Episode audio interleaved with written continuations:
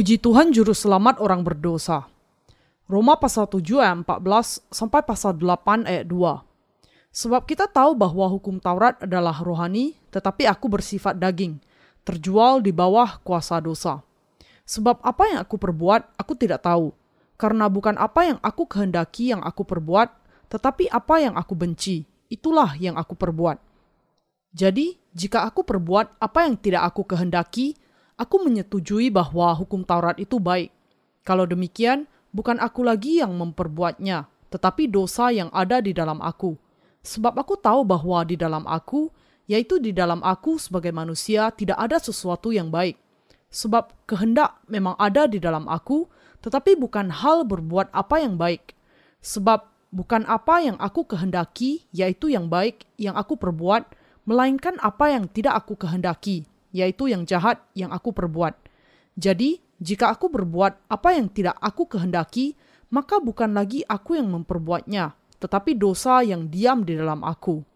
Demikianlah aku dapati hukum ini. Jika aku mengkehendaki berbuat apa yang baik, yang jahat itu ada padaku. Sebab di dalam batinku, aku suka akan hukum Allah, tetapi di dalam anggota-anggota tubuhku, aku melihat hukum lain yang berjuang melawan hukum akal budiku dan membuat aku menjadi tawanan hukum dosa yang ada di dalam anggota-anggota tubuhku. Aku manusia celaka. Siapakah yang akan melepaskan aku dari tubuh maut ini? Syukur kepada Allah oleh Yesus Kristus Tuhan kita. Jadi, dengan akal budiku, aku melayani hukum Allah. Tetapi dengan tubuh insaniku, aku melayani hukum dosa Demikianlah sekarang tidak ada penghukuman bagi mereka yang ada di dalam Kristus Yesus. Roh yang memberi hidup telah memerdekakan kamu dalam Kristus dari hukum dosa dan hukum maut. Manusia adalah orang berdosa yang mewarisi dosa. Semua manusia mewarisi dosa dari Adam dan Hawa dan menjadi benih dosa. Kita dengan demikian pada dasarnya dilahirkan sebagai orang berdosa dan tidak bisa dihindari ada di dalam keadaan berdosa. Semua manusia di dunia ini tidak bisa tidak menjadi orang berdosa karena satu nenek moyang, Adam, meskipun tidak ada yang ingin menjadi orang berdosa.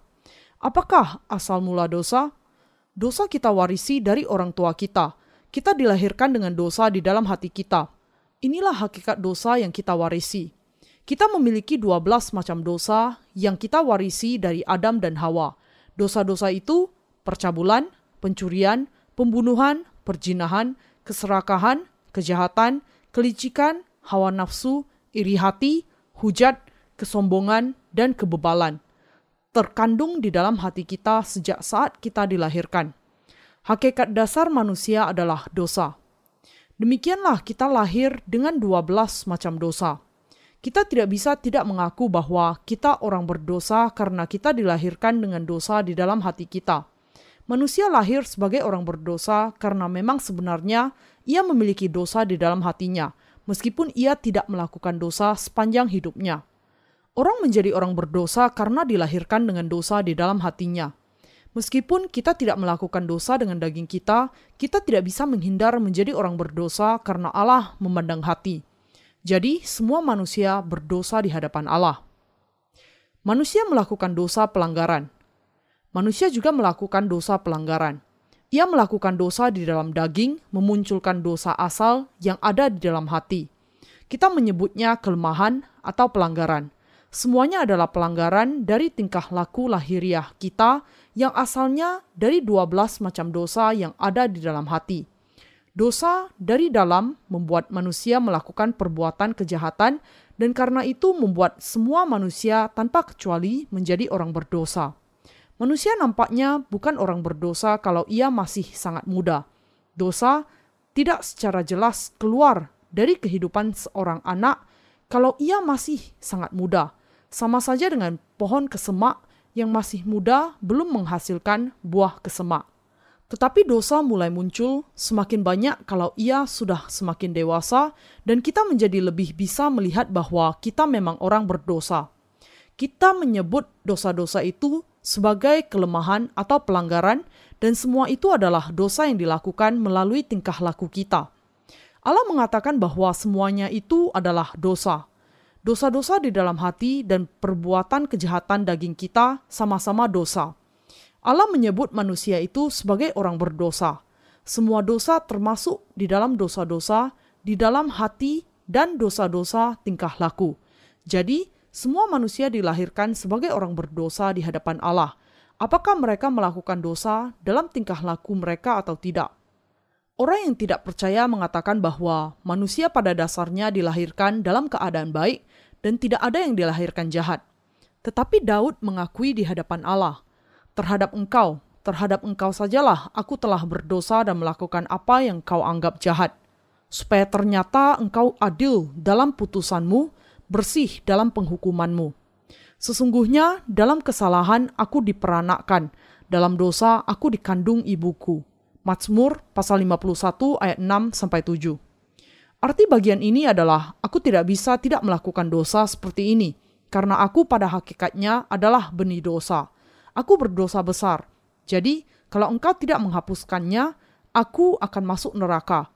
Aku memiliki dosa kalau engkau berkata aku memiliki dosa. Tetapi aku tidak memiliki dosa kalau engkau berkata, "Aku tidak memiliki dosa." Semua tergantung kepadamu, Allah, dan penghakimanmu. Singkatnya, dalam pandangan Allah, semua manusia tidak bisa tidak menjadi orang berdosa karena mereka mewarisi dosa dari orang tua mereka. Mereka dilahirkan dalam keadaan berdosa apa pun tingkah laku mereka. Satu-satunya jalan untuk lepas dari dosa adalah dengan percaya kepada keselamatan Yesus pendidikan umum mengajar anak-anak suatu pandangan yang keliru yang intinya bisa dijelaskan sebagai berikut. Semua manusia lahir dalam keadaan baik. Karena itu, hiduplah benar sesuai dengan kebaikan asal manusia. Anda bisa melakukan kebaikan kalau berusaha. Mereka mengatakan hanya hal yang positif. Manusia hidup di bawah pengajaran prinsip moral. Tetapi mengapa mereka melakukan dosa di dalam hati atau dengan tubuhnya di masyarakat atau di rumah mereka, mereka melakukannya karena mereka pada hakikatnya lahir dengan dosa. Manusia dilahirkan sebagai benih dosa. Manusia tidak bisa tidak melakukan dosa meskipun ia ingin melakukan kebaikan. Ini membuktikan bahwa kita dilahirkan dengan dosa. Anda harus mengenal diri Anda sendiri. Manusia tidak bisa tidak melakukan dosa dengan tubuh mereka sepanjang hidup mereka karena mereka memang lahir dengan dosa. Ini adalah keadaan asli umat manusia. Kita harus mengenal diri kita sendiri. Socrates mengatakan, "Kenali dirimu sendiri." Dan Yesus mengatakan, "Engkau orang berdosa karena engkau dikandung di dalam dosa dan dilahirkan dalam kesalahan. Karena itu, engkau harus menerima pengampunan dosamu. Kenali diri Anda sendiri. Hampir semua orang salah memahami diri mereka. Hampir semua orang hidup dan mati tanpa mengenali diri mereka sendiri. Hanya orang-orang yang bijaksana yang mengenal diri mereka sendiri. Mereka yang mengerti dan menerima kebenaran Yesus setelah mengerti bahwa diri mereka adalah benih pelaku kejahatan adalah orang-orang yang bijaksana. Mereka memiliki hak masuk ke dalam kerajaan surga. Mereka yang tidak mengenal diri mengajar orang lain untuk munafik dan tidak melakukan dosa lagi. Mereka mengajar orang untuk tidak menyatakan dosa-dosa yang di dalam para pengajar agama melatih mereka untuk tidak melakukan dosa dan untuk menekan dosa mereka setiap kali dosa itu mengeliat di dalam kehidupan mereka. Mereka semua sedang menuju neraka. Siapakah mereka? Mereka adalah hamba-hamba iblis, gembala palsu. Yang mereka ajarkan bukan yang diajarkan Tuhan kepada kita. Tentu saja Tuhan tidak pernah mengajak kita melakukan dosa. Tetap ia mengatakan kepada kita, engkau memiliki dosa, engkau orang berdosa, dan upah dosa adalah maut. Engkau sedang menuju kebinasaan karena dosa-dosamu. Jadi, engkau harus ditebus dari dosa-dosamu. Terimalah karunia keselamatan yang menyelamatkanmu dari segala dosamu. Kemudian, segala dosamu akan diampuni dan engkau akan menerima kehidupan kekal. Engkau akan menjadi orang benar, orang kudus yang berharga, dan anak Allah. Mengapa Allah memberikan Taurat kepada manusia? Paulus mengatakan, tetapi hukum Taurat ditambahkan supaya pelanggaran menjadi semakin banyak, dan di mana dosa bertambah banyak, di sana kasih karunia menjadi berlimpah-limpah. Roma pasal 5 ayat 20. Allah memberikan Taurat kepada kita supaya melaluinya dosa semakin dinyatakan sebagai dosa. Roma pasal 7 ayat 13. Dia memberikan Tauratnya kepada orang berdosa supaya mereka mengenali dosa-dosa mereka secara serius. Allah memberikan hukum Taurat kepada bangsa Israel ketika anak-anak Yakub hidup di padan gurun setelah keluaran. Ia memberikan 613 rincian peraturan. Mengapa Allah memberikan hukum Taurat kepada manusia? Allah memberikan hukum Taurat kepada manusia, pertama karena ia menghendaki agar manusia mengenali dosa-dosa mereka, karena mereka tidak mengerti dosa-dosa mereka, dan kedua, karena manusia dilahirkan dengan dosa. Sepuluh perintah Allah menunjukkan betapa beratnya dosa-dosa manusia. Jangan ada padamu Allah lain di hadapanku. Jangan membuat bagimu patung. Jangan menyebut nama Tuhan Allahmu dengan sembarangan, sebab Tuhan akan memandang bersalah orang yang menyebut namanya dengan sembarangan. Ingatlah dan kuduskanlah hari sabat. Hormatilah ayahmu dan ibumu, supaya lanjut umurmu di tanah yang diberikan Tuhan Allahmu kepadamu. Jangan membunuh, jangan berjinah, jangan mencuri, jangan mengucapkan saksi dusta tentang sesamamu, jangan mengingini rumah sesamamu, apa pun yang dipunyai sesamamu Keluaran pasal 20 ayat 3 sampai 17. Allah memberikan hukum Taurat kepada kita semua dan melaluinya ia mengajar kepada kita dosa apa yang kita miliki di dalam hati kita. Allah mengajarkan bahwa kita sepenuhnya berdosa di hadapan Allah dan ia memberi pemahaman kepada kita kebenaran bahwa kita orang berdosa karena kita tidak bisa menaati hukum Taurat. Bisakah manusia menaati hukum Taurat Allah? ketika Allah memerintahkan kepada bangsa Israel dan orang-orang bukan Yahudi agar tidak memiliki Allah lain di hadapannya, ia menghendaki untuk memberikan pemahaman bahwa mereka orang berdosa yang sejak awal tidak bisa menaati bahkan hukum yang pertama sekalipun. Melalui perintah-perintah itu, mereka sampai kepada pemahaman bahwa mereka lebih mengasihi hal yang lain dibandingkan dengan Sang Pencipta. Mereka menyadari bahwa mereka menyebut nama Allah dengan sembarangan, bahwa mereka membuat dan melayani berhala yang dibenci Allah, dan bahwa mereka tidak mau beristirahat, meskipun Allah memberikan mereka istirahat untuk kepentingan mereka.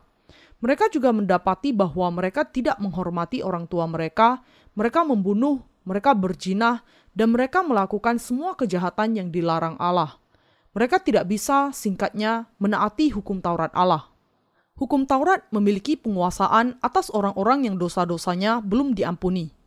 Apakah Anda mengerti apa sebabnya Allah memberikan hukum Taurat kepada kita? Allah memberikan hukum Taurat pertama-tama adalah untuk mereka yang belum dilahirkan kembali. Apakah kamu tidak tahu, saudara-saudara, sebab aku berbicara kepada mereka yang mengetahui hukum, bahwa hukum berkuasa atas seseorang selama orang itu hidup? Roma pasal 7 ayat 1 Allah memberikan hukum Taurat kepada mereka yang mewarisi dosa sejak dari nenek moyangnya dan yang belum dilahirkan kembali sehingga belum menyesali dosa-dosanya. Hukum Taurat memiliki penguasaan atas orang itu sepanjang hidupnya. Setiap keturunan Adam memiliki 12 macam dosa di dalam hatinya. Allah memberikan hukum Taurat kepada mereka yang memiliki dosa di dalam hatinya dan ia mengatakan bahwa dosa-dosa mereka sangat fatal. Karena itu, setiap kali dosa membunuh atau berzina keluar dari kita dan membuat kita melakukan dosa, hukum Taurat mengatakan, Allah melarangmu melakukan perjinahan lagi. Tetapi engkau melakukan perjinahan lagi. Engkau orang berdosa. Allah melarangmu untuk membunuh, tetapi engkau membunuh dengan kebencianmu. Engkau orang berdosa yang membunuh dan melakukan perjinahan. Allah melarangmu untuk mencuri, tetapi engkau mencuri lagi. Engkau pencuri. Seperti ini, dosa menjadi nyata setelah hukum Taurat dinyatakan. Itulah sebabnya Paulus mengatakan, "Apakah kamu tidak tahu, saudara-saudara, sebab aku berbicara kepada mereka yang mengetahui hukum, bahwa hukum berkuasa atas seseorang selama orang itu hidup? Hukum Taurat memiliki penguasaan atas orang-orang yang belum diampuni dosanya. Kepada orang-orang bukan Yahudi yang tidak mengenal hukum Taurat Allah, hati nurani mereka menjadi Taurat bagi mereka." Ketika mereka melakukan kejahatan, hati nurani mereka mengatakan bahwa mereka sudah melakukan dosa. Seperti itu juga, hati nurani orang percaya berfungsi sebagai Taurat bagi mereka, dan mereka mengenali dosa melalui hati nurani mereka. Roma pasal 2 ayat 15. Mengapa Anda tidak melayani Sang Pencipta ketika hati nurani Anda mengatakan bahwa ada pencipta? Mengapa Anda tidak mencari Allah? Mengapa Anda mendustai hati Anda sendiri? Anda harus malu atas dosa-dosa Anda dan takut bahwa orang lain akan mendapati dosa-dosa Anda. Tetapi orang berdosa yang tidak mengakui Allah dan yang mendustai hati mereka sendiri tidak tahu malu. Kita malu akan diri kita sendiri kalau kita memandang ke langit, ke tanah, ke orang lain, atau keciptaan yang lain kalau kita melakukan dosa. Allah memberikan kepada manusia hati nurani dan hukum Taurat untuk menunjukkan dosa. Tetapi kebanyakan mereka hidup tanpa Allah menjadi munafik dalam pandangan Allah dan hidup sekehendak hati mereka. Mereka ditentukan masuk neraka. Seperti yang diingatkan Paulus kepada mereka supaya memperhatikan hukum Taurat, apakah kamu tidak tahu saudara-saudara, sebab aku berbicara kepada mereka yang mengetahui hukum? bahwa hukum berkuasa atas seseorang selama orang itu hidup, manusia harus dilahirkan dua kali, sekali sebagai orang berdosa dan kemudian dilahirkan kembali dengan anugerah penebusan Allah untuk hidup sebagai orang benar. Paulus menjelaskan bagaimana Tuhan menyelamatkan kita dari kutuk hukum dosa dengan cara demikian. Sebab seorang istri terikat oleh hukum kepada suaminya selama suaminya itu hidup akan tetapi apabila suaminya itu mati, bebaslah ia dari hukum yang mengikatnya kepada suaminya itu. Jadi, selama suaminya hidup, ia dianggap berjinah kalau ia menjadi istri laki-laki lain. Tetapi jika suaminya telah mati, ia bebas dari hukum. Sehingga ia bukanlah berjinah kalau ia menjadi istri laki-laki lain. Roma pasal 7 ayat 2 sampai 3. Kalau wanita yang sudah menikah berselingkuh, ia disebut penjinah tetapi kalau suaminya mati dan wanita itu menikah dengan laki-laki lain, tidak ada masalah dengan itu. Pemahaman yang sama bisa kita terapkan dalam pembebasan kita dari hukum dosa. Hukum Taurat memiliki penguasaan atas semua keturunan Adam yang dosa-dosanya belum diampuni. Hukum Taurat mengatakan, "Kamu orang berdosa." Karena itu, semua datang untuk mengakui keberdosaan mereka di hadapan Taurat dan berkata, Aku harus masuk neraka. Wajar kalau aku masuk neraka karena upah dosa-dosaku. Tetapi kalau kita mati terhadap hukum Taurat melalui tubuh Kristus, hukum Taurat tidak bisa lagi menguasai kita karena diri kita yang lama disalibkan bersama dengan Kristus dengan dibaptiskan ke dalam Dia. Diri kita yang lama sudah mati. Tuhan kita membereskan suami kita yang lama dan ia memungkinkan kita menikah dengan dia. Sebab itu, saudara-saudaraku, kamu juga telah mati bagi hukum Taurat oleh tubuh Kristus, supaya kamu menjadi milik orang lain, yaitu milik Dia yang telah dibangkitkan dari antara orang mati, agar kita berbuah bagi Allah. Roma pasal 7 ayat 4. Allah memberikan hukum Taurat kepada semua manusia karena nenek moyang semuanya sama, Adam, sehingga dosa melalui perintah itu semakin dinyatakan. Ia sudah menjadikan semuanya ada di bawah penghukuman Allah, tetapi ia menyelamatkan mereka melalui tubuh Kristus. Yesus Kristus mati menggantikan kita. Tidakkah benar bagi kita masuk neraka sesuai dengan hukum Taurat Allah? Itu benar. Namun, Tuhan diutus ke dunia ini menanggung segala dosa kita dengan baptisannya di sungai Yordan, disalibkan dan menanggung kutuk. Hukum Taurat menggantikan kita. Melalui ini saja manusia bisa diselamatkan dan dilahirkan kembali. Mereka yang belum dilahirkan kembali harus masuk neraka. Mereka harus percaya kepada Yesus dan diselamatkan. Kalau diri kita yang lama tidak mati sekaligus, kita tidak bisa menjadi ciptaan baru dan masuk ke dalam kerajaan surga. Kalau diri kita yang lama belum dihukum sesuai dengan hukum Taurat, melalui iman kita yang dipersatukan dengan Yesus, kita harus dihukum dan masuk neraka. Semua manusia yang belum dilahirkan kembali akan masuk neraka. Orang yang tidak percaya hidup baik menikmati segala kebaikan yang disiapkan kehidupan dan tidak peduli akan hukuman kekal. Semua manusia harus menerima pengampunan dosa dari Tuhan Yesus saat hidup di dalam dunia ini. Setiap diri yang lama harus mati dalam kesatuan dengan Yesus melalui iman, karena kita tidak bisa dilahirkan kembali setelah meninggalkan dunia ini. Kita harus mati sekali dan dibebaskan dari dosa-dosa kita melalui iman kita kepada Yesus Kristus. Melalui siapa? melalui tubuh Yesus Kristus. Bagaimana? Dengan percaya bahwa Yesus datang ke dunia ini dan menanggung segala dosa kita, apakah Anda mati? Apakah ada yang belum mati? Mungkin Anda bertanya, bagaimana aku mati? Bagaimana aku hidup sekarang kalau aku mati? Ini adalah sebuah rahasia, rahasia yang tidak pernah bisa dipecahkan oleh agama. Hanya orang-orang yang dilahirkan kembali bisa mengatakan bahwa diri mereka yang lama sudah mati bersama dengan Yesus. Orang berdosa bisa dilahirkan kembali dan diri mereka yang lama bisa mati dengan mendengar kepada firman Allah dari mereka yang sudah dilahirkan kembali. Dan melalui ini, mereka bisa menjadi hamba-hamba Allah. Semua manusia harus mendengar firman Allah dari orang-orang kudus yang sudah dilahirkan kembali. Anda tidak akan bisa dilahirkan kembali kalau Anda mengabaikan pengajaran mereka. Bahkan Paulus tidak bisa dilahirkan kembali tanpa Kristus, meskipun ia sudah belajar firman Allah dari Gamaliel salah satu guru Taurat yang sangat menonjol di masa itu. Betapa bersyukurnya kita. Kita bisa membawa buah-buah kebenaran dari Allah dengan percaya kepada Yesus Kristus yang bangkit dari kematian ketika kita mati melalui tubuh Yesus Kristus dengan iman.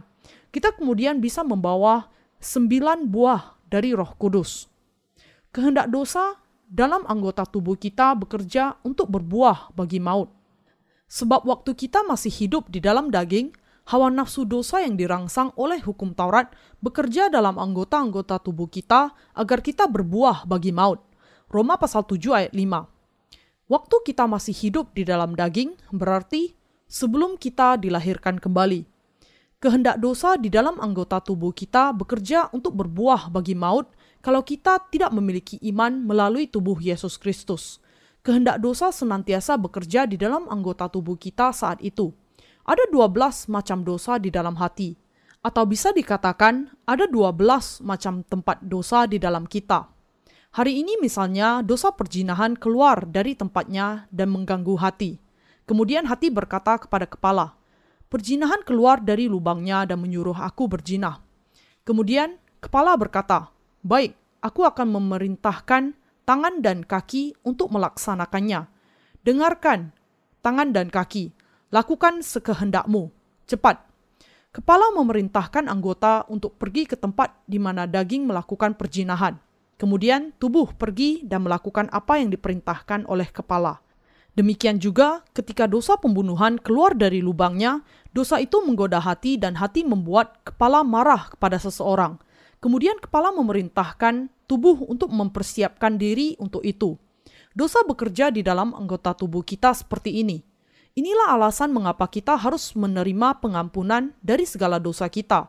Kalau kita tidak menerima pengampunan dosa, kita tidak bisa tidak melakukan apa yang diperintahkan oleh hati, meskipun bukan itu yang ingin kita lakukan. Semua manusia harus dilahirkan kembali melalui Injil yang benar. Manusia bisa menjadi penuh kalau ia dilahirkan kembali, sama seperti ulat yang menjadi kupu-kupu. Para pendeta bisa sungguh-sungguh melayani Allah kalau mereka dilahirkan kembali. Sebelum dilahirkan kembali, yang bisa mereka katakan hanyalah, "Saudara yang kekasih, Anda harus melakukan kebaikan." Ini seperti mengatakan kepada orang sakit untuk menyembuhkan dirinya sendiri. Mereka mendorong jemaatnya untuk membersihkan hati mereka, meskipun mereka tidak tahu bagaimana membersihkan hati mereka yang penuh dengan dosa. Kehendak penuh dosa dari anggota tubuh kita bekerja untuk berbuah bagi maut. Apakah manusia melakukan dosa karena ia mengkehendakinya? Kita melakukan dosa sebagai hamba dosa karena kita lahir dengan dosa, karena segala dosa kita belum dihapuskan, dan karena kita belum mati melalui tubuh Yesus Kristus. Kita melakukan dosa meskipun kita tidak suka melakukannya. Karena itu, setiap orang harus menerima pengampunan dosa. Lebih baik bagi para pendeta yang belum dihapuskan dosanya berhenti melayani Tuhan. Lebih baik mereka menjual kubis Cina. Saya menyarankan agar mereka melakukan hal itu. Lebih baik demikian daripada mendustai orang lain dengan mengatakan kebohongan untuk mendapat uang dan mengambil persembahan bagi diri mereka sendiri dan menjadi gemuk seperti babi. Kalau seseorang belum diselamatkan dari dosanya, dosa dan kehendaknya di dalam anggota tubuhnya bekerja untuk berbuah bagi maut kita bisa melayani Tuhan di bawah anugerahnya dengan menerima roh kudus setelah dosa-dosa kita dihapuskan. Tetapi kita tidak bisa melayani Tuhan di bawah hukum Taurat. Tuhan kita mengatakan, "Tetapi sekarang kita telah dibebaskan dari hukum Taurat, sebab kita telah mati bagi Dia yang mengurung kita, sehingga kita sekarang melayani dalam keadaan baru menurut roh dan bukan dalam keadaan lama menurut huruf hukum Taurat."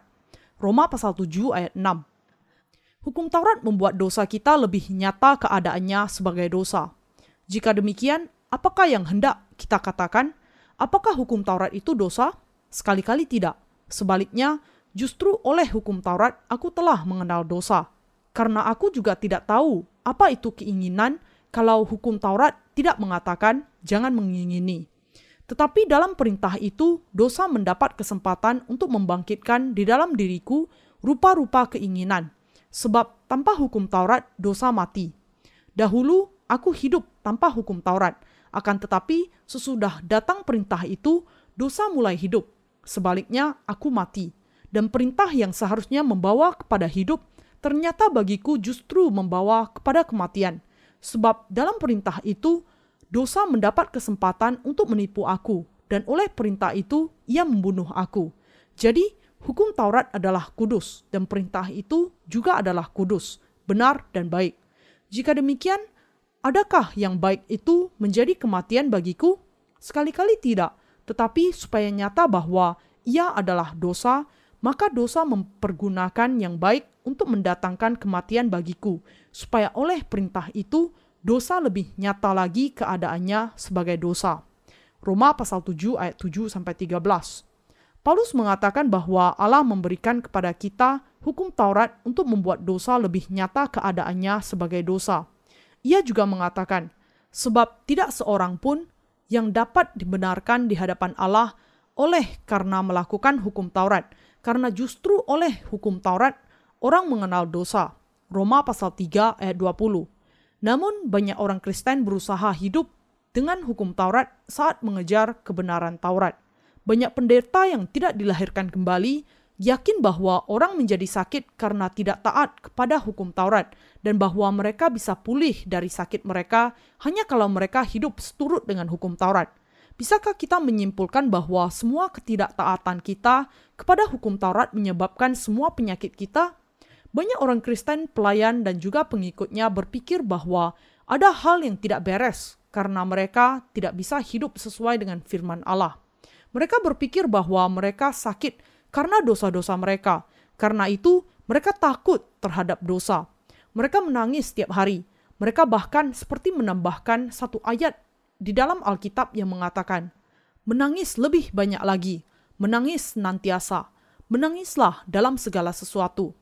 Meskipun Alkitab mengatakan kepada kita, "Bersukacitalah senantiasa, tetaplah berdoa, mengucap syukurlah dalam segala hal." Sebab itulah yang dikehendaki Allah di dalam Kristus Yesus bagi kamu. 1 Tesalonika pasal 5 ayat 16 sampai 18. Tetapi para pendeta palsu mengajar jemaatnya untuk semakin banyak menangis, menangis senantiasa seolah-olah kerutan dari begitu banyak menangis merupakan indikator keimanan mereka.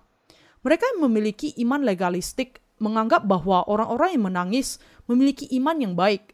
Para pendeta palsu menunjuk para wanita yang pintar menangis menjadi dieken dan para pria Kristen yang gampang mengeluarkan air mata sebagai penatua. Jangan menangis di gereja, menangislah di rumah. Kalau memang Anda sungguh-sungguh mau menangis. Mengapa Yesus disalibkan? Untuk membuat kita menjadi orang-orang yang suka menangis? Tentu saja tidak.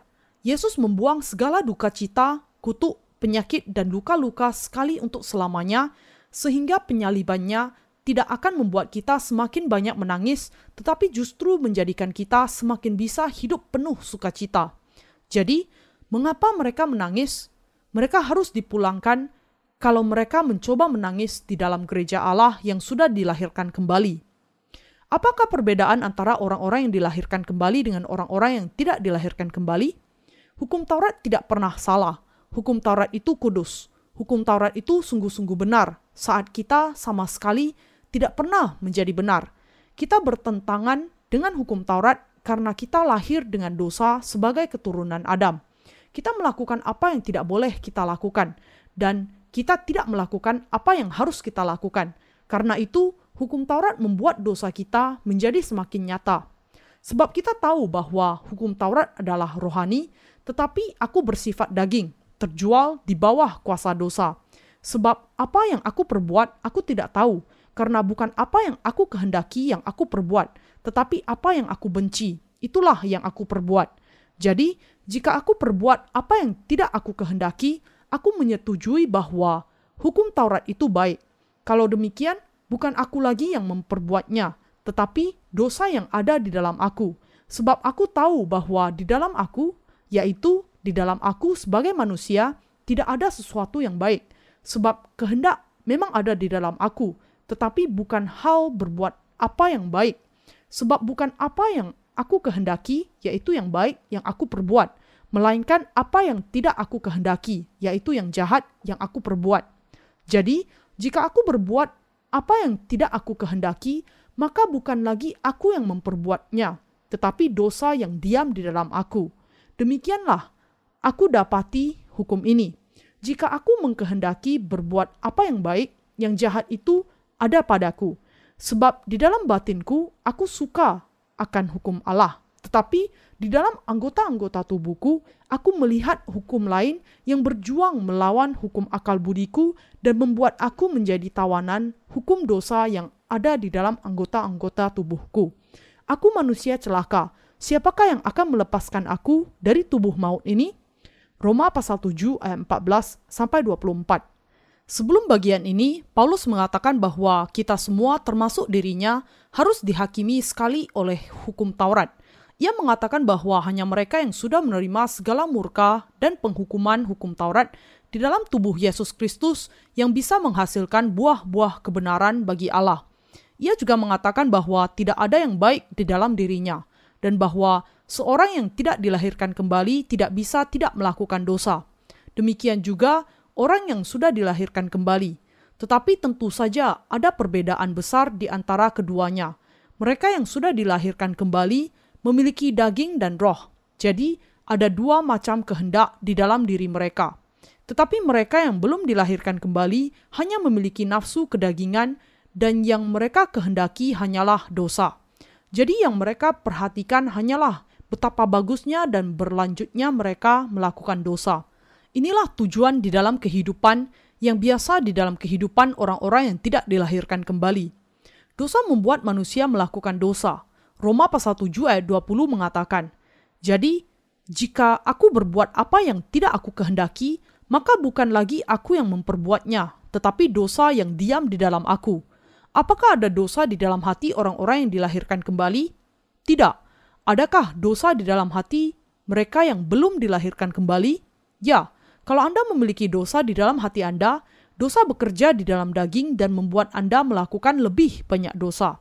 Jadi, jika aku berbuat apa yang tidak aku kehendaki, maka bukan lagi aku yang memperbuatnya, tetapi dosa yang diam di dalam aku. Manusia tidak bisa tidak melakukan dosa sepanjang kehidupan mereka, karena mereka dilahirkan dengan dosa. Orang-orang yang dilahirkan kembali bisa menghasilkan buah roh secara spontan, tetapi mereka yang tidak dilahirkan kembali tidak bisa menghasilkan buah yang demikian. Mereka tidak memiliki belas kasihan kepada orang lain. Beberapa bahkan membunuh anak-anak mereka sendiri kalau anak-anak itu tidak taat. Kekejaman keluar dari dalam hati mereka dan membunuh anak-anak di dalam hati mereka kalau anak-anak itu tidak taat. Meskipun mereka tidak sungguh-sungguh membunuh anak-anaknya, tetapi dengan hati mereka sering kali membunuh. Apakah Anda mengerti apa yang saya jelaskan di sini? Tetapi orang-orang benar tidak akan bisa melakukan hal seperti itu mereka mungkin saja akan terlibat dalam perdebatan, tetapi mereka tidak bisa memiliki hati yang kejam seperti itu, yang penuh dengan berbagai kepahitan dan kemarahan seperti yang dimiliki orang-orang lain. Namun orang-orang benar ingin menunjukkan belas kasihan kepada orang lain, meskipun kepada mereka yang mungkin membantah pandangannya. Demikianlah aku dapati hukum ini. Jika aku mengkehendaki berbuat apa yang baik, yang jahat itu ada padaku. Manusia ingin melakukan kebaikan karena mereka diciptakan segambar dengan Allah. Tetapi ketika dosa-dosa masih ada di dalam hatinya, hanya kejahatan yang keluar dari kehidupan mereka. Orang-orang Kristen yang belum dilahirkan kembali saling berkata dengan meratap, Aku sungguh-sungguh ingin melakukan kebaikan, tetapi aku tidak bisa. Aku tidak tahu mengapa aku tidak bisa. Mereka harus tahu bahwa mereka tidak bisa melakukan hal itu karena mereka orang berdosa yang belum diselamatkan. Mereka tidak bisa melakukan kebaikan karena mereka memiliki dosa di dalam hati mereka. Orang yang dilahirkan kembali memiliki kehendak roh selain nafsu kedagingan, tetapi mereka yang tidak dilahirkan kembali tidak memiliki roh. Inilah kunci perbedaan untuk membedakan antara orang-orang yang dilahirkan kembali dengan yang tidak. Paulus berbicara mengenai keadaan orang yang tidak dilahirkan kembali di dalam pasal 7, menjelaskan hukum Taurat di dalam Roma pasal 7 ayat 1 dan seterusnya ia mengatakan bahwa ia tidak bisa melakukan kebaikan yang dikehendakinya tetapi ia melakukan kejahatan yang tidak ia kehendaki. Paulus dengan kata lain tidak memiliki keinginan untuk melakukan dosa dan hanya ingin melakukan kebaikan, tetapi ia hanya bisa melakukan apa yang tidak dikehendakinya. Saat apa yang dikehendaki di dalam hati untuk dilakukan didapatinya tidak mungkin dilakukannya. Aku manusia celaka, siapakah yang akan melepaskan aku dari tubuh maut ini? Ia meratapi nasibnya yang malang ini, tetapi kemudian ia langsung mengucap syukur kepada Tuhan dengan mengatakan, syukur kepada Allah oleh Yesus Kristus Tuhan kita. Apakah Anda mengerti maksudnya? Kita orang-orang yang dilahirkan kembali bisa mengerti perkataannya, tetapi mereka yang belum dilahirkan kembali tidak pernah akan bisa memahaminya. Ulat yang belum pernah menjadi kupu-kupu tidak akan mengerti apa yang dikatakan kupu-kupu. Wow, aku menyanyikan lagu selama berjam-jam, selama sehari di atas pohon. Betapa sejuknya udara ini ulat tidak akan pernah mengerti yang dikatakan kupu-kupu, tetapi kupu-kupu itu akan bisa mengerti apa udara itu. Karena Paulus sudah dilahirkan kembali, ia bisa menjelaskan secara tepat apa perbedaan antara mereka yang sudah dilahirkan kembali dengan yang belum. Ia mengatakan juru selamat yang menyelamatkan mereka adalah Yesus Kristus. Apakah Yesus Kristus menyelamatkan kita? Tentu saja ya. Jadi, dengan akal budiku, aku melayani hukum Allah, tetapi dengan tubuh insaniku, aku melayani hukum dosa. Mereka yang dosa-dosanya sudah dihapuskan, melayani hukum Allah dengan hati mereka. Lalu kemudian, apa yang mereka layani dengan daging mereka? Mereka melayani hukum dosa dengan daging mereka. Daging suka melakukan dosa karena ia belum diubah sama sekali. Daging ingin melakukan keinginan daging dan roh keinginan roh. Karena itu, mereka yang dosa-dosanya sudah dihapuskan, bisa dan ingin mengikuti Tuhan karena Roh Kudus sekarang berdiam di dalam hidupnya. Tetapi mereka yang dosa-dosanya belum dihapuskan tidak bisa tidak melakukan dosa dengan pikiran dan daging mereka. Orang-orang yang dilahirkan kembali, yang sekarang dosa-dosanya sudah dihapuskan, bisa mengikuti Allah dengan pikiran mereka meskipun dengan daging mereka mengikuti dosa. Hukum roh kehidupan di dalam Kristus Yesus sudah memerdekakan kita dari hukum dosa dan maut. Mari meloncat ke Roma pasal 8 ayat 1 sekarang. Mereka yang dosa-dosanya ditanggung karena percaya kepada keselamatan Yesus tidak lagi dihukum oleh hukum Allah, meskipun mereka lahir sebagai orang berdosa. Demikianlah, sekarang tidak ada penghukuman bagi mereka yang ada di dalam Kristus Yesus. Roh yang memberi hidup telah memerdekakan kamu dalam Kristus dari hukum dosa dan hukum maut. Roma pasal 8 ayat 1 sampai 2. Demikianlah sekarang tidak ada lagi penghukuman bagi mereka yang ada di dalam Kristus Yesus. Tidak ada penghukuman. Mereka yang dilahirkan kembali tidak memiliki dosa dan tidak ada penghukuman bagi mereka.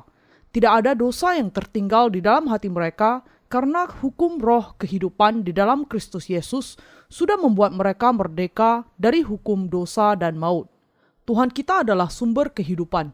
Ia menjadi anak domba Allah, dikandung dari Roh Kudus, dan menanggung segala dosa dunia ke atas dirinya di atas Sungai Yordan melalui baptisan oleh Yohanes. Menanggung hukuman kita dengan disalibkan bagi kita. Melalui hal ini, ia secara sempurna menanggung segala dosa kita. Apakah kita kemudian harus mati lagi karena dosa-dosa kita? Apakah kita memiliki sesuatu untuk dihakimi? apakah kita memiliki dosa di dalam hidup kita? Kalau segala dosa kita sudah ditanggung kepada Yesus Kristus melalui baptisannya? Tentu saja tidak. Kita tidak harus dihukum karena Tuhan sudah dibaptiskan di sungai Yordan, disalib menggantikan kita, dan bangkit kembali dari antara orang mati pada hari yang ketiga untuk menyelamatkan semua orang berdosa. Keselamatan Allah memerdekakan kita dari penghukumannya, sementara hukum Taurat mengakibatkan murka. Roh yang memberi hidup telah memerdekakan kamu dalam Kristus dari hukum dosa dan hukum maut. Murka Allah dinyatakan kepada mereka yang memiliki dosa. Allah membuang mereka ke neraka, tetapi Tuhan sudah memerdekakan kita dari hukum dosa dan maut dengan menghapuskan segala dosa dari hati kita. Ia menjadikan kita orang percaya yang ada di dalam Yesus Kristus merdeka dari dosa. Apakah dosa-dosa Anda sudah dihapuskan? Sebab apa yang tidak mungkin dilakukan hukum Taurat karena tak berdaya oleh daging telah dilakukan oleh Allah dengan jalan mengutus anaknya sendiri dalam daging yang serupa dengan daging yang dikuasai dosa karena dosa, ia telah menjatuhkan hukuman atas dosa di dalam daging, supaya tuntutan hukum Taurat digenapi di dalam kita yang tidak hidup menurut daging, tetapi menurut roh. Roma pasal 8 ayat 3 sampai 4. Tuhan kita menyatakan secara jelas di sini bahwa daging itu lemah dan tidak bisa taat kepada tuntutan hukum Taurat. Hukum Allah itu pasti baik dan indah, tetapi kita tidak bisa menaatinya karena daging kita terlalu lemah. Hukum Allah menuntut agar kita sempurna. Hukum itu menuntut agar kita sampai kepada ketaatan penuh kepada hukum Allah, tetapi daging kita tidak akan bisa hidup dengan segala aturan hukum Taurat karena kelemahannya. Hukum Taurat dengan demikian mengakibatkan murka bagi kita, tetapi apa gunanya yang dilakukan Yesus kalau kita tetap harus dihukum? Allah mengutus anak tunggalnya untuk menyelamatkan kita. Allah memberikan kebenarannya kepada kita dengan mengutus anaknya dalam rupa manusia yang berdosa karena dosa-dosa kita. Yesus diutus ke dalam dunia ini dalam rupa daging. Ia telah menjatuhkan hukuman atas dosa di dalam daging.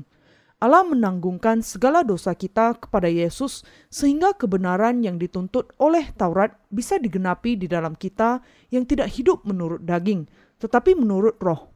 Dosa-dosa kita dihapuskan karena kepercayaan kita kepada Yesus Kristus dengan hati kita. Dosa-dosa kita dihapuskan ketika kita mengakui apa yang dilakukan Yesus Kristus kepada kita. Mereka yang hidup menurut Roh dan yang hidup menurut daging. Ada dua jenis orang Kristen mereka yang mengikuti pemikirannya sendiri dan yang mengikuti firman kebenaran. Yang kedua bisa diselamatkan dan menjadi orang benar, sedangkan yang pertama akan binasa. Sebab mereka yang hidup menurut daging memikirkan hal-hal yang dari daging. Mereka yang hidup menurut roh memikirkan hal-hal yang dari roh. Karena keinginan daging adalah maut, tetapi keinginan roh adalah hidup dan damai sejahtera. Roma pasal 8 ayat 5 sampai 6. Mereka yang berpikir bahwa percaya kepada Allah berarti harus hidup seturut dengan hukum Taurat tidak akan pernah bisa menjadi sempurna, sebab mereka yang hidup menurut daging memikirkan hal-hal yang dari daging. Hal kedaginganlah yang membersihkan hanya diri bagian luar saja. Mereka yang demikian mengelap debu Alkitab dan pergi ke gereja setiap minggu dengan gaya suci, meskipun mereka berkelahi dengan istrinya dan melakukan kejahatan di rumahnya. Mereka menjadi malaikat di hari Minggu. Hai, apa kabar? Senang bertemu Anda lagi. Mereka mengatakan amin berulang kali setiap kali pendeta berkhotbah dengan suara yang suci dan gaya yang penuh kasih. Mereka dengan tenang keluar dari gereja sesudah ibadah penyembahan, tetapi menjadi berubah sama sekali kalau gereja sudah tidak kelihatan lagi. Apa yang dikatakan firman Allah kepadaku? Aku tidak bisa ingat. Mari kita pergi minum mereka adalah para malaikat di dalam gereja tetapi menjadi makhluk duniawi dalam sekejap saja kalau jauh dari gereja. Orang-orang berdosa karena itu harus berdoa kepada Allah demikian. Allah, selamatkanlah saya, makhluk yang berdosa ini. Saya tidak bisa masuk ke dalam kerajaan surga dan akan masuk neraka kalau engkau tidak menyelamatkan saya. Tetapi kalau engkau membasuh segala dosa yang saya lakukan, Sampai hari kematian saya, saya bisa masuk ke dalam kerajaan surga dengan iman. Mereka harus sungguh-sungguh bersandar kepada Allah. Setiap orang percaya bisa menerima pengampunan dosa dan menjalani kehidupan rohani kalau mereka mengikuti firman Allah. Mereka yang hidup menurut roh memikirkan hal-hal yang dari roh, karena keinginan daging adalah maut, tetapi keinginan roh adalah hidup dan damai sejahtera. Kalau kita berpikir dan percaya sesuai dengan kebenaran Allah, damai akan datang kepada kita. Sebab keinginan daging adalah perseteruan terhadap Allah, karena ia tidak takluk kepada hukum Allah. Hal ini memang tidak mungkin baginya. Mereka yang hidup dalam daging tidak mungkin berkenan kepada Allah. Roma pasal 8 ayat 7 sampai 8. Mereka yang dosa-dosanya belum dihapuskan masih ada hidup dalam daging dan tidak akan pernah bisa menyenangkan Allah. Tetapi kamu tidak hidup dalam daging, melainkan dalam roh, jika memang roh Allah diam di dalam kamu. Tetapi jika orang tidak memiliki roh kudus, ia bukan milik Kristus. Roma pasal 8 ayat 9. Banyak orang bingung dengan bagian ini karena Paulus berbicara secara mendalam dengan kata-kata rohani. Mereka yang belum dilahirkan kembali bingung dengan Roma pasal 7 dan 8. Mereka tidak pernah bisa memahami bagian Alkitab yang ini. Tetapi kita yang dilahirkan kembali tidak hidup dalam daging dan tidak hanya hidup menurut daging. Baca dengan hati-hati apa yang dikatakan Paulus di dalam bagian di atas. Apakah Roh Kudus berdiam di dalam Anda? Kalau seseorang tidak memiliki Roh Kudus, ia bukan milik Kristus. Kalau bukan milik Kristus, berarti orang ini milik iblis dan akan masuk neraka. Tetapi jika Kristus ada di dalam kamu, maka tubuh memang mati karena dosa, tetapi roh adalah kehidupan oleh karena kebenaran. Dan jika roh dia yang telah membangkitkan Yesus dari antara orang mati diam di dalam kamu, maka ia yang telah membangkitkan Kristus Yesus dari antara orang mati akan menghidupkan juga tubuhmu yang fana itu oleh rohnya yang diam di dalam kamu. Roma pasal 8 ayat 10 sampai 11. Amin. Tuhan kita dikandung dari Roh Kudus, diutus ke dalam dunia ini dalam daging dan menanggung segala dosa kita. Tuhan sudah datang dalam hati orang-orang percaya yang percaya kepada penghapusan dosa dan bertahta di dalam hati mereka. Roh Kudus datang ke dalam hati dan membuktikan bahwa Tuhan Yesus kita menghapuskan segala dosa kita seputih salju. Allah juga memberikan kehidupan kepada daging kita ketika Yesus datang ke dalam dunia ini kembali. Ia yang telah membangkitkan Kristus Yesus dari antara orang mati akan menghidupkan juga tubuhmu yang fana itu oleh rohnya yang diam di dalam kamu. Roh itu bersaksi bersama roh kita bahwa kita adalah anak-anak Allah. Kita harus hidup oleh iman kepada Allah dan Roh Kudus setelah kita dilahirkan kembali. Jadi, saudara-saudara, kita adalah orang berhutang, tetapi bukan kepada daging, supaya hidup menurut daging. Sebab jika kamu hidup menurut daging, kamu akan mati. Tetapi jika oleh roh kamu mematikan perbuatan-perbuatan tubuhmu, kamu akan hidup.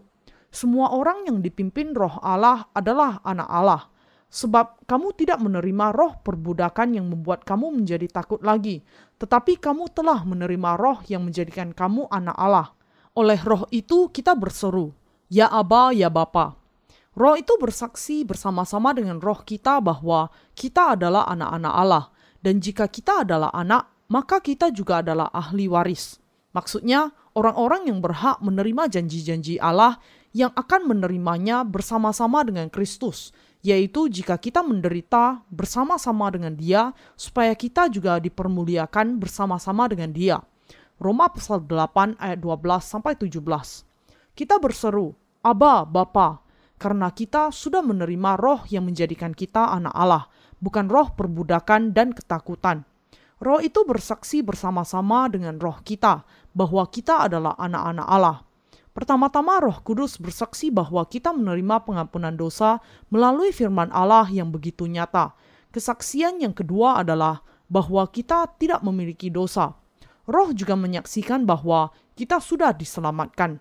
Roh Kudus melakukan hal itu di dalam hati mereka yang dosa-dosanya sudah dihapuskan. Tidak ada yang benar, seorang pun tidak. Roma pasal 3 ayat 10.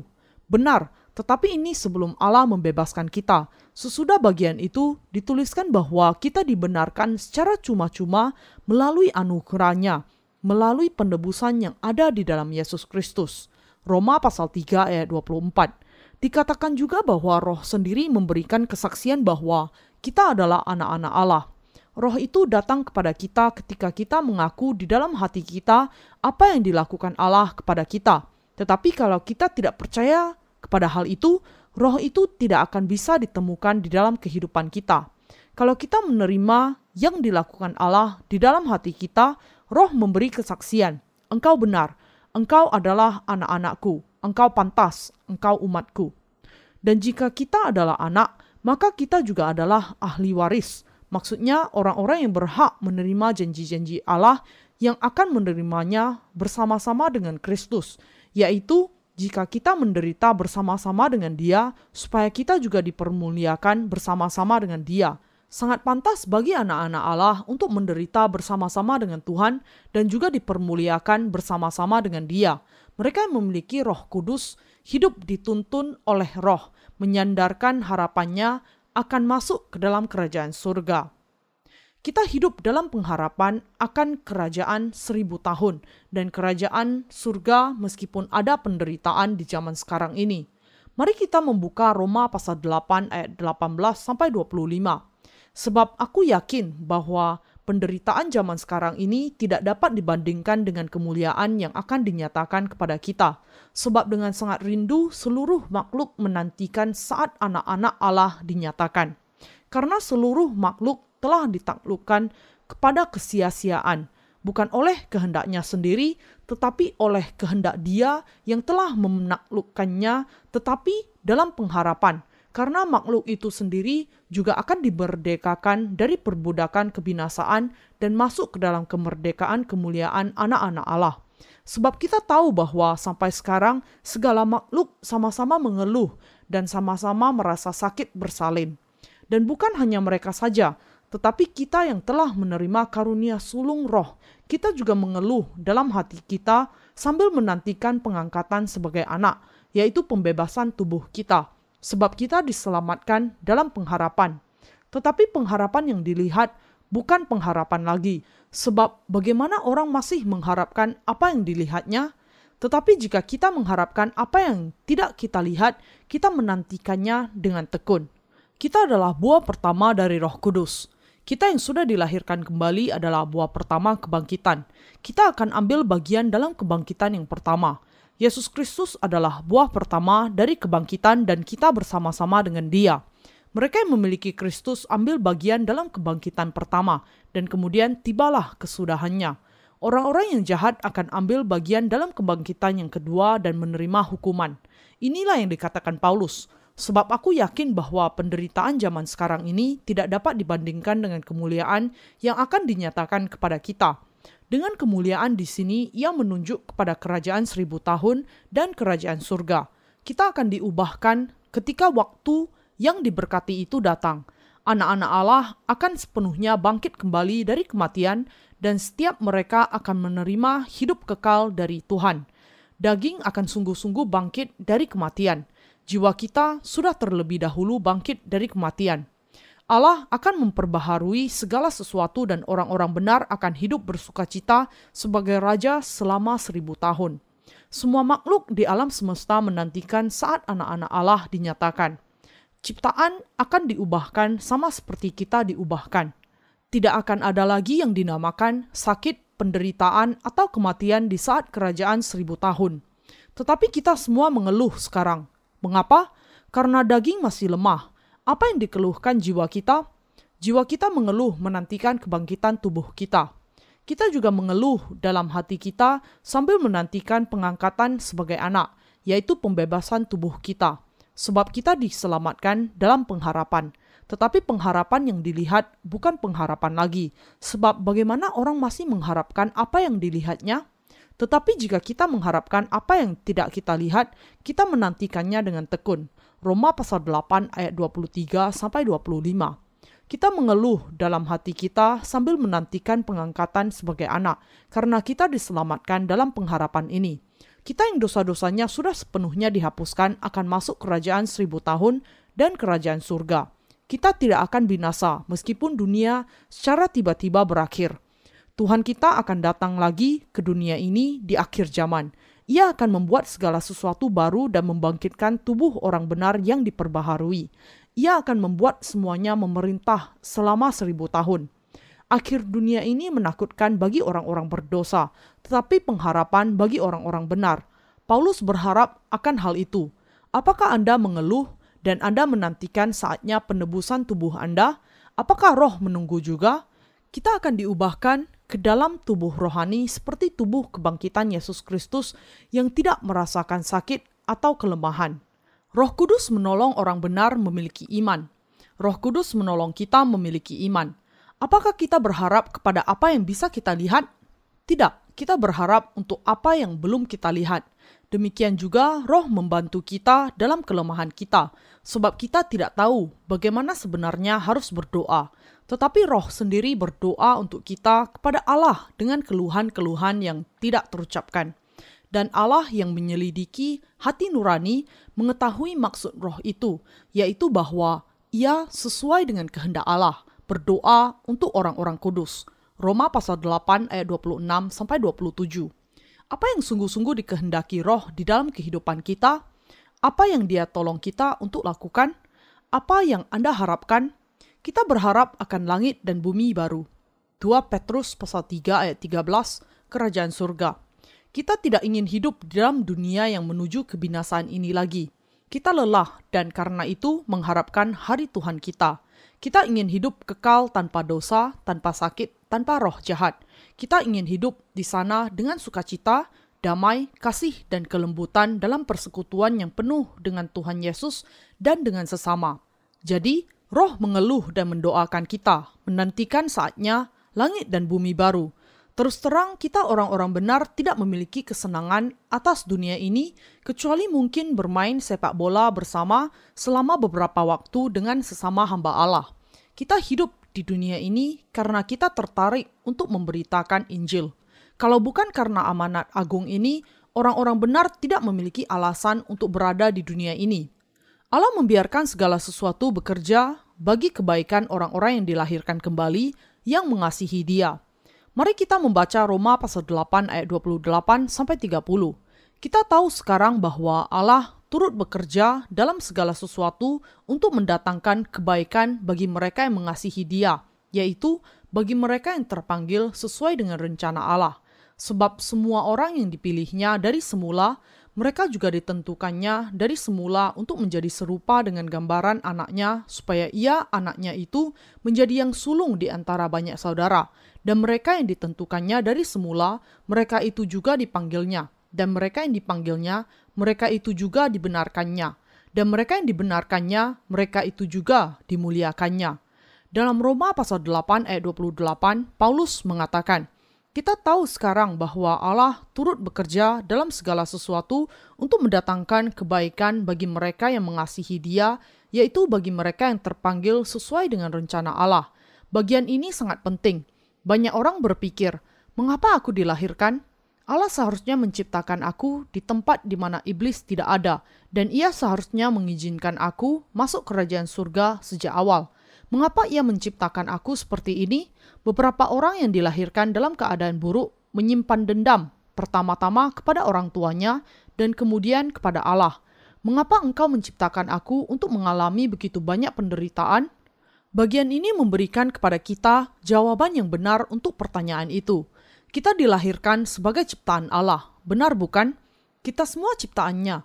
Allah menciptakan kita di dalam gambarnya sesuai rupa Allah, tetapi tetap saja kita ciptaannya. Ada tujuan Allah menempatkan kita di dalam dunia ini. Kitab suci mengatakan, kita tahu sekarang bahwa Allah turut bekerja dalam segala sesuatu untuk mendatangkan kebaikan bagi mereka yang mengasihi Dia, yaitu bagi mereka yang terpanggil sesuai dengan rencana Allah.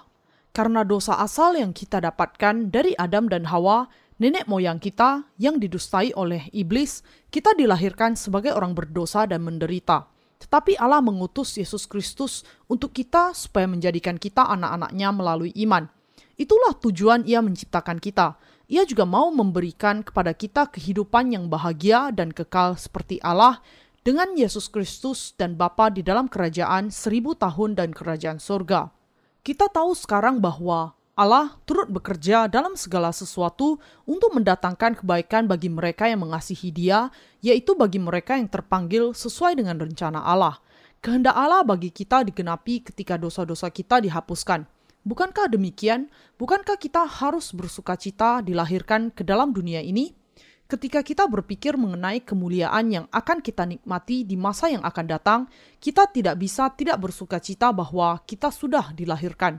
tetapi kebanyakan manusia tidak bersuka cita, dan ini karena mereka menolak kasih Allah. Apakah Anda tahu mengapa ada dosa dan penyakit, dan mengapa segala sesuatu nampaknya baik untuk orang-orang jahat, sementara mereka yang berusaha melakukan kebaikan justru menderita? Ini karena hanya ketika kita menderita, kita datang untuk mencari Allah, bertemu dengannya, dan menjadi anak-anaknya dengan menerima pengampunan dosa. Allah membiarkan orang jahat ada di dalam dunia ini untuk menjadikan segala sesuatu bekerja untuk kebaikan mereka yang sungguh-sungguh mengasihi Dia. Jangan berpikir begini, aku tidak tahu mengapa Allah menciptakan aku demikian. Apa sebabnya Allah membiarkan aku lahir dalam keluarga miskin dan menderita? Allah membiarkan kita lahir ke dalam dunia ini di bawah kuasa iblis dan hukum Taurat untuk menjadikan kita anak-anaknya dan menjadikan kita hidup kekal sebagai raja bersama dengan Tuhan di dalam kerajaannya. Segala sesuatu bekerja bersama untuk yang lebih baik dan Allah membuat kita anak-anaknya. Inilah tujuan Allah menciptakan kita demikian. Kita tidak memiliki apa-apa untuk mengeluh dan mengerutu di hadapan Allah. Mengapa aku diciptakan demikian? Mengapa aku begini? Kehendak Allah yang baik digenapi melalui semua kesulitan itu. Jangan mengeluh karena penderitaan Anda. Jangan menyanyikan lagu-lagu sendu mengenai kehidupan Anda lagi. Dan sama seperti manusia ditetapkan untuk mati hanya satu kali saja dan sesudah itu dihakimi. Ibrani pasal 9 ayat 27. Di sinilah anugerah keselamatan Allah di antara kelahiran dan penghakiman seseorang. Kita percaya kepada Yesus Kristus, segala dosa kita dihapuskan karena anugerah Allah, dan kita akan memerintah selamanya di dalam kerajaan seribu tahun dan kerajaan surga. Kita akan disebut Tuhan atas semua ciptaan. Apakah Anda sekarang mengerti mengapa Allah membiarkan Anda menderita? Ia memberikan penderitaan dan kesulitan kepada kita untuk memberkati kita menjadi anak-anaknya dengan membuat kita kembali kepada Allah. Allah menentukan agar kita menjadi serupa dengan gambar anaknya. Tidak perlu waktu lama bagi kita untuk menerima pengampunan dosa, diselamatkan dari penghukuman Allah dan menjadi orang benar. Kita dijadikan orang benar sekali untuk seterusnya, dan kita bisa langsung menjadi anak-anak Allah melalui iman. Keselamatan Allah bukanlah karena sebuah proses jangka panjang pengudusan kita. Tuhan menyelamatkan kita sekali untuk selamanya dan menjadikan kita benar sekaligus. Sebab semua orang yang dipilihnya dari semula, mereka juga ditentukannya dari semula untuk menjadi serupa dengan gambaran anaknya, supaya ia anaknya itu menjadi yang sulung di antara banyak saudara. Dan mereka yang ditentukannya dari semula, mereka itu juga dipanggilnya. Dan mereka yang dipanggilnya, mereka itu juga dibenarkannya dan mereka yang dibenarkannya, mereka itu juga dimuliakannya. Roma pasal 8 ayat 29 sampai 30. Banyak orang mendasarkan lima doktrin Calvinisme atas ayat-ayat ini, tetapi mereka keliru. Di sini Paulus mengatakan, sebab semua orang yang dipilihnya dari semula, mereka juga ditentukannya dari semula untuk menjadi serupa dengan gambaran anaknya. Allah menentukan kita menjadi anak-anaknya di dalam Yesus. Allah menentukan kita untuk lahir ke dalam dunia ini di bawah rancangannya. Ia menciptakan kita untuk dijadikan serupa dengan gambaran siapa? Untuk dijadikan serupa dengan gambaran Allah, dengan gambaran anaknya. Allah mengizinkan kita dilahirkan dan menentukan untuk mengangkat kita menjadi anak-anaknya melalui Yesus Kristus sesuai dengan kehendak kebaikannya. Ia berjanji mengutus anaknya untuk menjadikan kita anak-anaknya yang dijadikan serupa dengan gambaran anaknya. Allah memanggil kita melalui Yesus Kristus ketika kita masih orang berdosa sebagai keturunan Adam. Marilah kepadaku semua yang letih lesu dan berbeban berat. Aku akan memberi kelegaan kepadamu. Matius pasal 11 ayat 28. Dia memanggil kita setelah menanggung segala dosa kita. Ia memanggil kita untuk menjadikan kita orang benar oleh iman. Allah menjadikan kita orang percaya dan ia mempermuliakan kita. Allah memanggil orang berdosa dan menjadikan mereka orang benar sekali untuk seterusnya. Kita dijadikan orang benar sekali untuk seterusnya dengan percaya kepada Yesus Kristus sebagai juru selamat kita, bukan dengan cara dikuduskan secara bertahap, seperti pengajaran para teolog. Kebenaran Allah memanggil orang-orang berdosa dan menjadikan mereka orang benar. Inilah alasannya ia memanggil orang-orang berdosa. Dan mereka yang dipanggilnya, mereka itu juga dibenarkannya mereka yang dipanggil oleh Allah dan yang percaya kepada apa yang Yesus Kristus lakukan menjadi orang-orang benar. Kita sebelumnya tentu saja memiliki dosa sebagai keturunan Adam. Tetapi dosa-dosa kita dihapuskan ketika kita percaya kepada kebenaran bahwa Yesus sudah menghapuskannya. Apakah Anda kemudian memiliki dosa atau tidak? Tentu saja tidak. Kita tidak lagi memiliki dosa di dalam kita, dan mereka yang dipanggilnya, mereka itu juga dibenarkannya. Orang-orang benar yaitu mereka yang menjadi anak-anak Allah. Tidak benar bahwa kita menjadi anak-anak Allah secara bertahap, langkah demi langkah. Namun kita sekaligus dimuliakan sebagai anak-anak Allah melalui penebusannya. Dan mereka yang dipanggilnya, mereka itu juga dibenarkannya. Allah menjadikan kita anak-anaknya. Saya tidak mengerti mengapa banyak orang Kristen yang percaya kepada apa yang disebut sebagai lima langkah menuju keselamatan. Keselamatan dan menjadi anak-anak Allah dilakukan sekali untuk selamanya, membutuhkan waktu bagi kita untuk mengambil bagian di dalam kebangkitan tubuh kita, karena kita menantikan kedatangan Tuhan kita yang kedua kali. Tetapi pembebasan kita dari dosa terjadi sekali dalam sekejap mata. Kita langsung menerima penebusan ketika kita meresponi terhadap firman pengampunan dosa yang diberikan Allah yang memanggil kita telah berikan kepada kita dan menerima apa yang dilakukannya untuk menyelamatkan kita. Terima kasih Tuhan. Haleluya. Amin. Aku diselamatkan karena engkau menyelamatkan aku. Aku tidak akan bisa ditebus kalau engkau tidak membasuh segala dosaku. Terima kasih Tuhanku. Haleluya. Dosa-dosa kita dihapuskan dengan cara demikian. Penebusan tidak membutuhkan perbuatan atau waktu kita.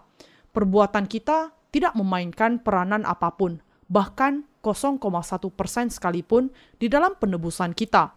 Penganut Calvinis mengatakan bahwa seseorang harus melewati langkah demi langkah untuk ditebus dan masuk kerajaan surga. Sama seperti seekor cacing tidak bisa lari 100 meter dalam sedetik seberapapun kerasnya ia berjuang, manusia tidak bisa menjadi benar dengan usahanya sendiri seberapapun baiknya atau kerasnya ia berjuang menaati hukum Taurat. Cacing tetaplah cacing bagaimanapun ia mencuci dirinya dan memakai makeup dengan kosmetik yang mahal. Demikian juga selama orang berdosa memiliki dosa di dalam hatinya, mereka masih tetap orang berdosa bagaimanapun mereka kelihatan baik. Bagaimana mungkin orang berdosa bisa secara sempurna menjadi orang benar dengan disucikan secara bertahap? Apakah daging bisa semakin menjadi baik? Tidak, daging semakin jahat dan tidak taat semakin dia bertambah tua. Alkitab mengatakan, dan mereka yang ditentukannya dari semula, mereka itu juga dipanggilnya. Dan mereka yang dipanggilnya, mereka itu juga dibenarkannya. Dan mereka yang dibenarkannya, mereka itu juga dimuliakannya. Bagian ini menyebutkan secara berjenjang apa yang terjadi secara sekaligus dalam anugerah Allah. Tidak dikatakan bahwa penebusan dan pembenaran diperoleh secara bertahap. Seseorang bisa menjadi benar sekali untuk selamanya dengan memiliki iman kepada Tuhan bukan secara bertahap. Banyak teolog tanpa mengerti apa yang mereka lakukan terus yakin kepada teori yang tidak masuk akal dan membuat banyak orang masuk neraka. Allah menjanjikan penebusan dan memanggil kita melalui Yesus Kristus menjadikan kita benar dan memuliakan mereka yang menyambuti panggilannya. Tetapi semua orang yang menerimanya diberikannya kuasa supaya menjadi anak-anak Allah, yaitu mereka yang percaya dalam namanya. Yohanes pasal 1 ayat 12. Apakah Allah mempermuliakan kita? Tentu saja. Bisakah kita dipermuliakan melalui perbuatan baik dan usaha? Apakah kita harus berjuang lebih keras untuk menjadi orang benar? Tentu saja tidak. Kita sudah menjadi orang benar. Tidak ada yang bisa memisahkan kita dari kasih Allah. Siapa yang melawan kita? Kalau Allah di pihak kita, tidak ada. Sebab itu, apakah yang akan kita katakan tentang semuanya itu jika Allah di pihak kita, siapakah yang akan melawan kita? Ia yang tidak menyayangkan anaknya sendiri, tetapi yang menyerahkannya bagi kita semua, bagaimanakah mungkin ia tidak mengaruniakan segala sesuatu kepada kita bersama-sama dengan dia? Siapakah yang akan mengungat orang-orang pilihan Allah? Allah yang membenarkan mereka? Siapakah yang akan menghukum mereka? Kristus Yesus yang telah mati? Bahkan lebih lagi, yang telah bangkit yang juga duduk di sebelah kanan Allah yang malah menjadi pembela bagi kita? Siapakah yang akan memisahkan kita dari kasih Kristus? Penindasan atau kesesakan atau penganiayaan atau kelaparan atau ketelanjangan atau bahaya atau pedang? Seperti ada tertulis, oleh karena engkau kami ada di dalam bahaya maut sepanjang hari. kami telah dianggap sebagai domba-domba sembelihan. Tetapi dalam semuanya itu, kita lebih daripada orang-orang yang menang oleh Dia yang telah mengasihi kita.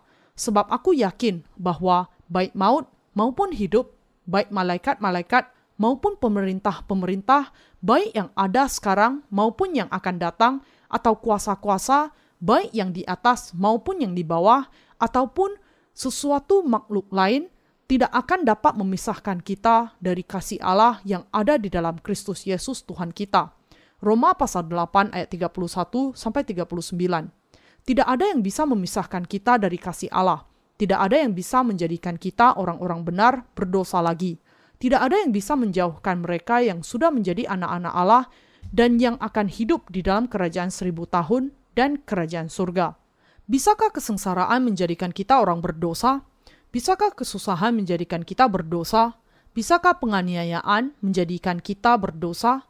Bisakah kelaparan, ketelanjangan, bahaya, atau pedang menjadikan kita orang berdosa lagi? Ia yang tidak menyayangkan anaknya sendiri, tetapi yang menyerahkannya bagi kita semua, bagaimanakah mungkin ia tidak mengaruniakan segala sesuatu kepada kita bersama-sama dengan dia? Allah memberikan kepada kita kerajaan surga. Ia secara cuma-cuma memberikan segala sesuatu karena ia tidak menyayangkan anaknya sendiri untuk menyelamatkan kita. Ketika Allah mau memberikan korban yang paling besar untuk kita, mengapa kemudian ia tidak menjadikan kita anak-anaknya? Penebusan yang dilimpahkan Allah kepada kita adalah Allah mengatakan bahwa supaya ditebus dari segala dosa kita, kita terlebih dahulu harus mengakui bahwa Yesus Kristus diutus dalam daging sesuai dengan kehendak Allah Bapa. Yang kedua, kita harus mengakui bahwa Yesus menanggung segala dosa ke atas dirinya melalui baptisannya di Sungai Yordan. Yang ketiga, kita harus mengakui bahwa Yesus disalibkan bagi kita dan akhirnya bahwa ia dibangkitkan. Kita tidak bisa diselamatkan kalau kita tidak percaya kepada setiap peraturan yang ada di atas. Mereka yang tidak percaya bahwa Yesus adalah Anak Allah, bahwa Dia adalah Allah dan Sang Pencipta, dikecualikan dari keselamatan Allah. Kalau seseorang menyangkal keilahian Yesus Kristus, ia menjadi anak iblis. Mereka yang menyangkali kenyataan bahwa Yesus menanggung segala dosa kita ketika ia dibaptiskan oleh Yohanes Pembaptis tidak bisa diselamatkan juga. Yesus tidak bisa menjadi juru selamat mereka. Mereka tidak bisa diselamatkan di dalam hati mereka, meskipun mereka percaya kepada Yesus dengan pikiran mereka. Mereka masuk neraka meskipun mereka mengenal Yesus. Yesus Kristus mati menggantikan kita karena ia menanggung segala dosa kita melalui baptisannya. Yesus mati karena dosa-dosa kita, bukan karena dosa-dosanya sendiri. Kemudian ia bangkit kembali dari kematian untuk membenarkan mereka yang percaya dan membangkitkan mereka dalam kebangkitan. Kita diselamatkan oleh iman kepada baptisannya. Saya sudah mengkotbahkan pasal 7 dalam hubungannya dengan pasal 8. Pasal 7 mengatakan bahwa seseorang yang memiliki dosa tidak bisa melakukan kebaikan. Tetapi pasal 8 berkata bahwa sekarang tidak ada lagi penghukuman bagi mereka yang di dalam Kristus Yesus dan bahwa iman kita kepada Yesus Kristus menjadikan kita tidak berdosa. Kita lemah dan tidak bisa hidup seturut dengan kehendak Allah. Karena itu, Allah Bapa mengutus Yesus Kristus sebagai juru selamat kita dan ia menanggung segala dosa kita dengan baptisannya ketika kita masih berdosa. Kita diselamatkan dari dosa dan dibenarkan melalui Yesus Kristus. Inilah kebenaran yang dikotbahkan Paulus sepanjang pasal 7 dan 8. Demikianlah sekarang tidak ada penghukuman bagi mereka yang ada di dalam Kristus Yesus yang tidak hidup menurut daging tetapi menurut roh. Kita tidak memiliki dosa. Apakah Anda ada di dalam Yesus Kristus? Apakah Anda mengakui apa yang dilakukan Yesus Kristus kepada Anda? Sama seperti Paulus ditebus dari segala dosanya, segala dosa kita juga ditanggung di dalam baptisan dan darah Yesus di kayu salib. Kita sudah ditebus karena percaya kepada baptisan, darah, dan kebangkitan Yesus.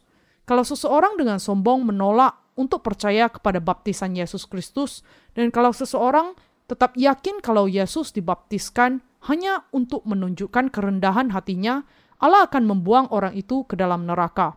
Jangan sombong di hadapan firman Allah. Bagaimana bisa pendeta dan para pelayan mengabaikan mengenai baptisan Yesus ketika Paulus sendiri berbicara begitu banyak mengenai hal itu? Bagaimana mereka dapat mengabaikan iman seseorang seperti Paulus salah satu bapak iman terbesar, bagaimana mungkin mereka mengabaikan pengajaran hamba Allah yang ditunjukkan Allah sendiri menjadi rasul? Kalau kita ingin mengkotbahkan mengenai Yesus Kristus, kita harus mengkotbahkannya seperti yang tertulis di dalam Alkitab, dan kita harus percaya seperti yang ada di dalam Alkitab.